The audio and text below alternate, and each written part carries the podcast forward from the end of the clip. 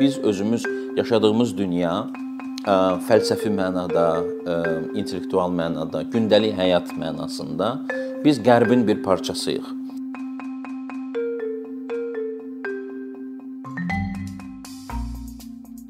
Deməli bu mövzu ə, Qərbin ə, belə deyək, mədəni hegemoniyası kimi biz müəyyən edə bilərik təxminən və bu mövzuya maraq ə, yarandı məndə təxminən ə, 2-ci Qarabağ müharibəsi dövründə, 44 günlük müharibə dövründə ki, ə, Azərbaycan insanı ə, geniş mənada Qərb təsisatları, Qərb mediası, Qərb siyasətçilərində bir ə, ehtiyac gördü. Ə, yəni bir gözlənti yarandı ki, ə, biz bizim haqqımızda onlar daha yaxşı danışmalıdır, daha dürüst danışmalıdır, daha obyektiv ifadələr söyləməlidirlər və daha obyektiv olaraq məlumatlar paylaşmalıdırlar. Bu məni niyə düşündürdü? Çünki bu elə bir mövzuya gətirib çıxardır ki, bu uzun illərdir həm Qərbdə, həm digər ölkələrdə, yəni dünyanın digər hissələrində çox müzakirə olunan bir mövzudur. Qərbin mədəni, intellektual və media hegemoniyası demək olar buna təxminən. Bunun kökləri bəlkə də çox uzaqlara gedir. Qərb ölkələrinin daha çox deyək ki, Avropa ölkələrinin dünyanı kolonizasiyası, yəni dünyanın müxtəlif ölkələrini işğal edərək orada öz hökmranlığını qurmasından başlayır. Hardasa 14-cü, 15-ci əsrlərdən. Daha sonra e, Qərbin e, texnologiyalar, müasir texnologiyaların inkişafı, e, iqtisadiyyatın inkişafı, elmin tərəqqiyə gətirən bir yolla davam etməsi eyni zamanda Qərb intellektual fikrinin, fəlsəfi fikrinin ə, geniş vüsət alması, inkişaf etməsi ki, bunun əsası da Yunan və Roma fəlsəfəsindən başlayır. 15-ci əsrdən 20-ci, 21-ci əsrə qədər davam edən bu ə, bir neçə yüz ildə ə, Qərbin həm fiziki olaraq, həm də ə, belə deyək, mədəni olaraq üstünlüyünü təşkil edir bütün dünyada. Bunun çox fərqli formaları var. Dediyim kimi, yəni bu media sahəsində ola bilər. Bu beynəlxalq təşkilatlar sahəsində ola bilər ki, beynəlxalq təşkilatların çoxu qərb təşəbbüsləridir.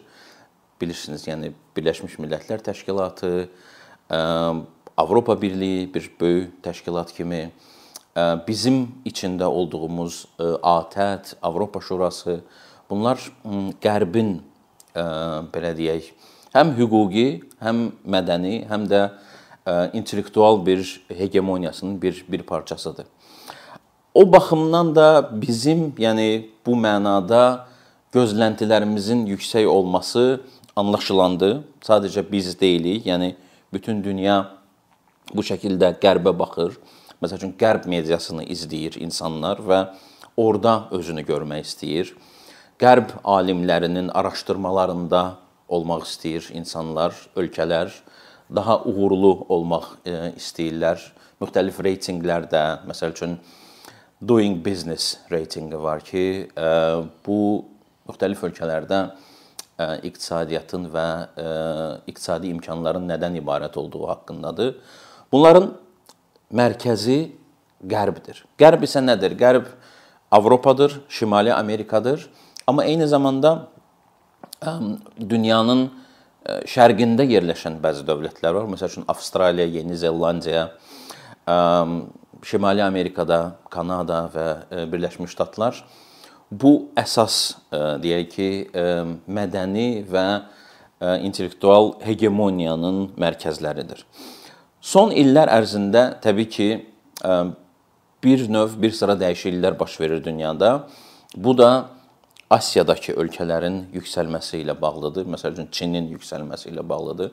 iqtisadi olaraq gücə çevrilir, texnoloji olaraq gücə çevrilir. Amma burada yenə də çox incə bir məqam var ki, intellektual və ideya baxımından dünyanın digər ölkələrin üzərindəki üstünlüyü yenə də qərb ölkələri qoruyur. Qərb qoruyur geniş mənada. Məsəl üçün deyək ki, hansı ideyalar dominant olacaq dünyada? Məsəl üçün demokratikləşmə ideyası və ya demokratiyanın təşviqi, azadlıq fikri, qadın azadlığı, gender bərabərliyi, iqlim dəyişikliyi, bir çox fikirlər, ideyalar var ki, onları sadəcə qərb ortaya qoya bilər. Yəni Qərbin intellektual mədəni e, hegemoniyası həm də bununla bağlıdır ki, onlar dünyanın gündəliyini intellektual baxımdan, ideya baxımından onlar müəyyən edirlər. Düzdür. Məsəl üçün e, bir sıra digər ölkələr var ki, texnoloji baxımından inkişaf ediblər. Yaponiya kimi, Cənubi Koreya kimi, Çin dediyimiz kimi, yəni e, irəlidədir və inkişaf edir. Amma bu ölkələr hələ ki mədəni və ideya üstünlüyünü əldə edə bilməyiblər və ya heç etməyə də çalışmırlar. Ola bilər ki, onlar fərqli yol izləməyə davam edəcəklər. Bu baxımdan Qərbin yumşaq gücü bu yumşaq güc anlayışı 1970-ci illərdə Amerika siyasət alimləri tərəfindən ortaya atılmış bir anlayışdır, bir məfhumdur. Yəni qaba gücdən istifadə etmədən dünyanın üzərində müəyyən bir nüfuz, bir hegemoniya qura bilmək imkanları. Qərbin yumşaq gücü, Amerikanın yumşaq gücü hələ də ciddi şəkildə öz rolunu oynayır. Necə ki biz həm müharibə dövründə də bunu gördük ki, məsəl üçün onların mediasında çıxan məlumatlar bizim üçün necə fərqli təsirlər yaradırdı. Məsəl üçün orada çıxan bizə qarşı olan neqativ bir məlumat dərhal cəmiyyətdə əks-səda yaradır. Pozitiv bir məlumat, müsbət bir məlumat isə bir rəğbət oyandırırdı. Dediyim kimi eyni zamanda beynəlxalq təşkilatlar və ya qərb dövlətləri, məsəl üçün Almaniyanın Azərbaycanın ərazi bütövlüyü ilə bağlı mövqeyi cəmiyyətdə çox deyək ki, müsbət enerji bir təsir yaradır. Fransanın Azərbaycana qarşı olan mövqeyi isə tamamilə tərs bir reaksiya yaradır və insanlarda deyək ki, bunu başqa ölkələr etdiyi zaman Düzdür, yəni bizim coğrafiyada Rusiya, Türkiyə və İranın təsiri də çoxdur, amma onlar bizim qonşumuz olduğu üçün və tarixən bizə yaxın ölkələr olduğu üçün təsiri var. Amma geniş mənada Qərbin mediası, siyasətçiləri, beynəlxalq təşkilatlar, oradan gələn impulslar bizim üçün çox vacibdir. Son olaraq onu da qeyd etmək lazımdır ki, Əslində biz qərbə biraz kənardan baxmış kimi olsaq da, söhbət ondan gedir ki, bugünkü dünyada format baxımından, yəni dünyanın forması baxımından və ya mərkəzli olması baxımından bir mənada bir çox şeylər qərb mərkəzlidir. Bir çox anlayışlar qərb mərkəzlidir. Yəni biz özümüz yaşadığımız dünya fəlsəfi mənada, intellektual mənada, gündəlik həyat mənasında biz Qərbin bir parçasıyıq və zaten qloballaşma, müasir mənada qloballaşma keçmişdə olan Avropalaşma və ya qərbləşmənin bir davamı kimi də düşünülür. Yəni 19-cu əsrdə buna Avropalaşma deyirdilərsə, 20-ci əsrdə buna qərbləşmə deyirdilərsə, məsəl üçün Rusiya və Türkiyə örnəyində bu çox e, bariz görünür ki, bu dövlətlər, bu xalqlar necə avropalaşdı, qərbləşdi və ya e, ən azından çalışdı bunu etməyə. 20-ci, e, 21-ci əsrdə bu artıq qloballaşma kimi anlaşılır. Çünki dediyim kimi, yəni əsas fikirlər, ideyalar, impulslar onlar qərb mərkəzlidir. Eyni zamanda bizim həyatımızı, gündəlik həyatımızı hətta şəkilləndirən bir çox anlayışlar onlar qərb mərkəzlidir. Çox sadə iki örnəyi verə bilərəm. Məsəl üçün bizim toylarda insanların şəkil çəkdirməyi, fotosessiya etməyi bu təbii ki, Azərbaycan adət-ənənəsi deyil. Yəni bizim tarixdən gələn bir şey deyil. Bu qərb mədəniyyətidir. Bu qərbin bizə gətirdiyi bir mediadır. Bunu Azərbaycanda da istifadə edirik. Biz nə bilim Tayvanda da var bu, ə, Kubada da var. Hər yerdə yəni ki, bu bu bir formatdır. İkinci məsələ, məsəl üçün bu biraz daha mürəkkəb bir örnəkdir. Millətçilik anlayışı.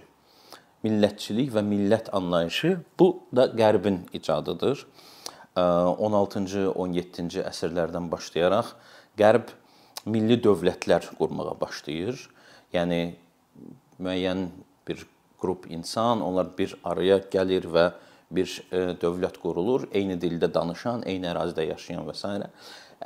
Yəni bu nation state, milli dövlət sonradan bir model olaraq ərəb dünyasına da gedir, çıxır, Asiyaya da gəlir, şərqə də yayılır.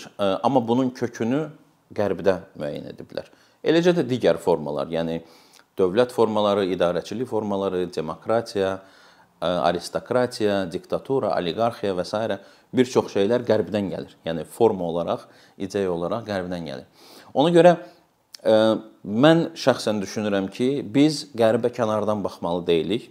Biz zaten qərbin içində olduğumuz üçün bu oyunu içəridən oynamalıyıq və burada uğurlu olmağa çalışmalıyıq. Yəni Einsteinın maraqlı bir ifadəsi var idi. O deyirdi ki, oyunun qaydalarını öyrənin, sonra ən yaxşı siz oynayın həmin oyunu. Yəni qərbləşmənin qloballaşmanın zaten qaçılmaz bir proses olduğunu biz görürük və ona uyğun olaraq davranmalıyıq məncə.